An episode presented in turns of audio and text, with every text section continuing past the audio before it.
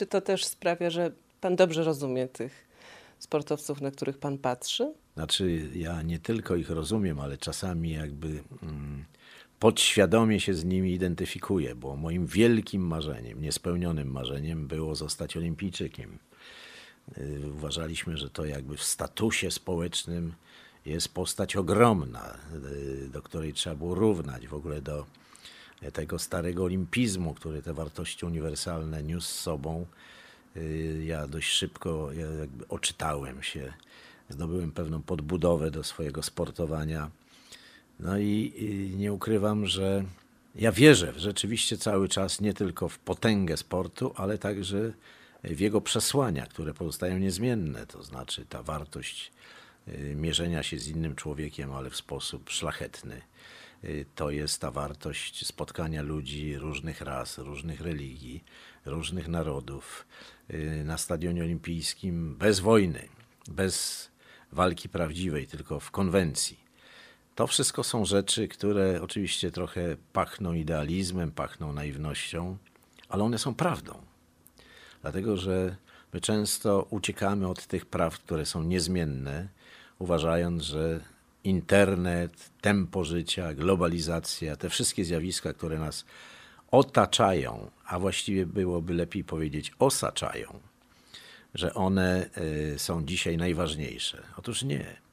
My pewnie podskórnie gdzieś tęsknimy. Jestem y, już dojrzałym człowiekiem i podskórnie tęsknię do prostszego czasu, do y, prostszych form życia, dlatego że mm, zapętliliśmy się. Tu nie ma nawet co tego tematu rozwijać, bo każdy w inny sposób, każdy na swój sposób, ale to po prostu stało się jakimś dzisiaj wielkim wyzwaniem dla nas, dla mm, tej nowej cywilizacji, żeby nie tracić człowieczeństwa, żeby nie tracić y, tych wartości, które po prostu są w historii rozwoju człowieka stałe.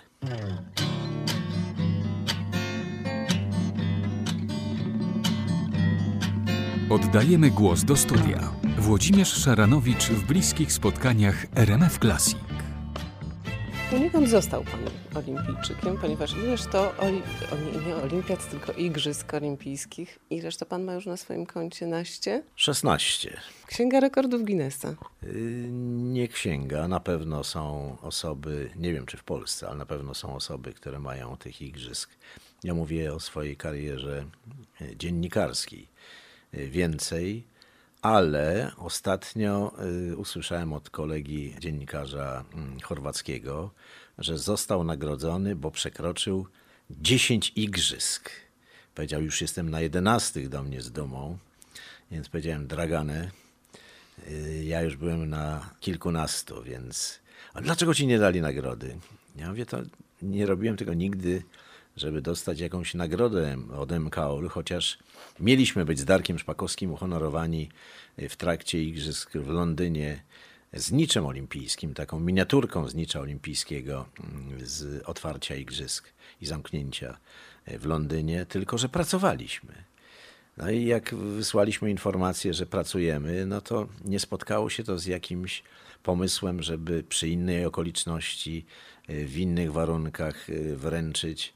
No to uznajmy, że my na igrzyska jeździmy po to, żeby jednak y, komentować, a wszelkie y, jakieś symboliczne nagrody są y, pochodną. Jak się kiedyś uda, żeby tę nagrodę dostać, to po prostu ją dostanę. Jak nie, no to mm, trudno. Teraz sobie oglądałam w internecie mm, takie fragmenty pana komentarzy i sprawozdań. I trafiłam oczywiście na ten prezent, który na 60. urodziny pana koledzy z telewizji przygotowali. To był taki miks mały sz, ustami Szaranowicza. Pan na koniec powiedział, że pierwszy raz siebie słyszał. Bardzo dużo pan stracił.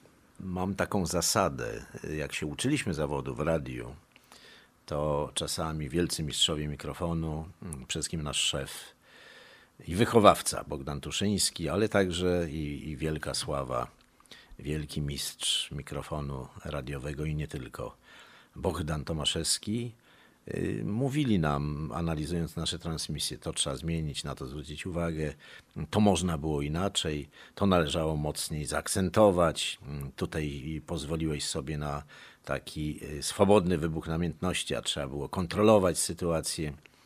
I to były świetne lekcje, świetne spotkania. Ja myślę, że dzisiaj brakuje mistrzów zawodu. Takich, którzy by w paru zdaniach zdefiniowali, y, gdzie jest y, problem, lub też co jest dobre, co należy rozwijać, bo mm, trzeba zawsze dawać dwa rodzaje podpowiedzi. Co zmieniać, w sensie, że można poprawić, ale też zachować coś, co jest jakąś siłą osobowości, co jest y, własnością i właściwością danej postaci. I muszę powiedzieć, że to były naprawdę niezwykle cenne spotkania. I mam wielki szacunek dla ludzi, którzy mm, potrafili nam po prostu y, podpowiedzieć, jaką wybrać drogę zawodową, a zaczęło się to od bardzo prostego stwierdzenia Bogdana Tuszyńskiego. Jeżeli któryś z panów sądzi, że będzie drugim Tomaszewskim, to idźcie do innego zawodu. I zawsze miał taką końcówkę. MPO czeka. No więc y, nie dlatego, że nie, nie wyobrażaliśmy sobie pracy gdziekolwiek poza radiem, chociaż tak było w istocie, że nie, nie, nie, nie widzieliśmy innej pracy poza radiem, to y, po prostu chcieliśmy się uczyć i to było kluczowe radio jest szkołą. Ale y, zacząłem tę długą, proszę jaki jednak nawyk gadulstwa, opowieść po to, żeby y, skończyć stwierdzeniem, że ja nie lubię siebie słuchać.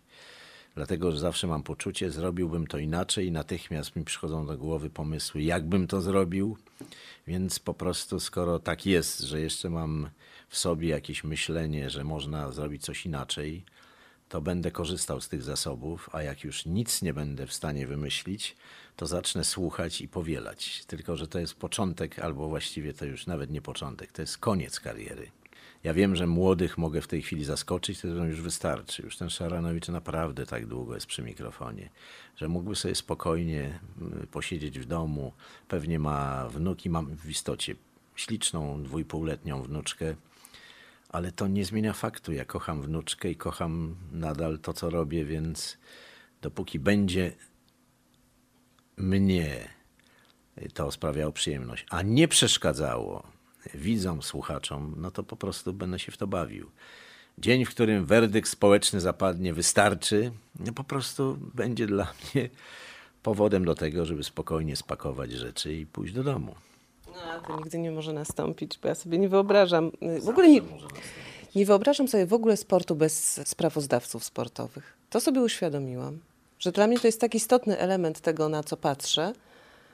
Czasami jest irytujące, no ale akurat pana nigdy nie ściszyłam. Znaczy, ja myślę, że sprawozdawca e, radiowy, komentator telewizyjny może być dobrym uzupełnieniem widowiska. Jeden warunek, nie może nigdy iść pod prąd y, z, ze słuchaczem i widzem. Musi go zabierać w wycieczkę, zabierać w jakiś świat wyobraźni własnej. Y, w radiu robi to teraz, y, robił to fantastycznie Bogdan Tomaszewski, największy mistrz mikrofonu, no, nieporównywalny z kimkolwiek. Teraz taki rodzaj słuchowiska radiowego stworzył Tomek Zimoch. On właściwie utrzymuje tę tęsknotę do radia, które w mojej młodości miało mnóstwo słuchowisk. Tomek dzisiaj zabiera ludzi w taką przygodę sportową, w taką odrobinę szaleństwa, jaką ma w sobie, i to się bardzo dobrze sprzedaje. I myślę, że musiał długo szukać e, swojego miejsca, ale znalazł. I, i po prostu, jak dzisiaj słyszę, że zimoch to, zimoch tamto, no to po prostu zimoch jest jeden. I każdy z nas powinien być e, niepowtarzalny, w sensie nie ma powodu, żeby kogokolwiek porównywać, jak czasami przychodzą młodzi adepci i słyszę tak, to ja polecę Szpakowskim. Nie ma co lecieć. Ten lot Darka jest po prostu jego zdolności, możliwości w sensie kreowania widowiska tak duże, że jeżeli ktoś myśli, że się zabierze lotem ze szpaczkiem, no to ja mu życzę wszystkiego najlepszego. Ale za tym się kryje 30 parę lat y, zawodowych prób. Y, I to, to naprawdę przychodzi z czasem. Y, zmienia się to komentowanie. Kiedyś y, było bardziej tak techniczne, więcej mieliśmy zadań wyjaśniających. Dzisiaj nie ma sensu. Jesteśmy już tylko ludźmi, którzy mają przekazać wartość widowiska i emocje tego widowiska. I to są dwa wyznaczniki, które bym dzisiaj podpowiadał młodym ludziom, którzy chcą siąść do mikrofonu. Ale wie pan, y, tak właśnie sobie myślałam, że jakiś taki rodzaj żywiołowości zapanował, moim zdaniem większej niż ja pamiętałam. I tak sobie myślałam, czy, czy są jakieś takie mody wśród komentatorów, żeby na przykład tak trochę po włosku, oni strasznie krzyczą. Ale słuchałam sobie w internecie Jana Ciszewskiego, guru. No przecież on się darł na całe gardło. Ale dlatego został Janek Ciszewski zapamiętany, że miał tę niesamowitą emocjonalność wynikającą z jego autentycznego zaangażowania w widowisko. On był dwunasty na boisku. On był, siedział za żużlowcem na motocyklu, bo fantastycznie e, komentował żużel. On był tym, który e, wchodził do bramki i bronił razem z Tretiakiem, e, czy też tymi wcześniejszymi wielkimi bramkarzami w hokeja. To była po prostu postać autentyczna. On żył sportem w stu procentach, albo jeszcze więcej. Miał jeszcze jedną wielką pasję, ale to przemilczę. W każdym razie sport był dla niego wszystkim, był dla niego życiem. I myślę, że y, to pytanie pani, że dzisiaj jest tyle emocjonalności, czy to jest moda? Nie, to jest wyzwolenie. To jest nareszcie ktoś poluzował te kanony. Kiedyś mówiono, to nie jest radio, nie wolno w telewizji tyle mówić. Obraz mówi sam za siebie. Obraz mówi sam za siebie, ale wydobycie jeszcze z tego obrazu tych elementów, których nie widać, tych emocji, które ludzie chcą przeżyć. Siadają, żeby się zrelaksować, żeby przeżyć piękną chwilę, oderwać na chwilę od y, codziennych problemów i to im się po prostu należy i często to dostają. Ja kiedyś pamiętam takie milczące kabiny, jak się przechodziło, to od razu można było założyć to Skandynawowie. A dzisiaj by pani w ciemno powiedziała, nie, to jacyś są Włosi, to jacyś Hiszpanie. Krzyk, jaki się wydobywa od namiętności od tych skandynawskich komentatorów jest niewyobrażalny.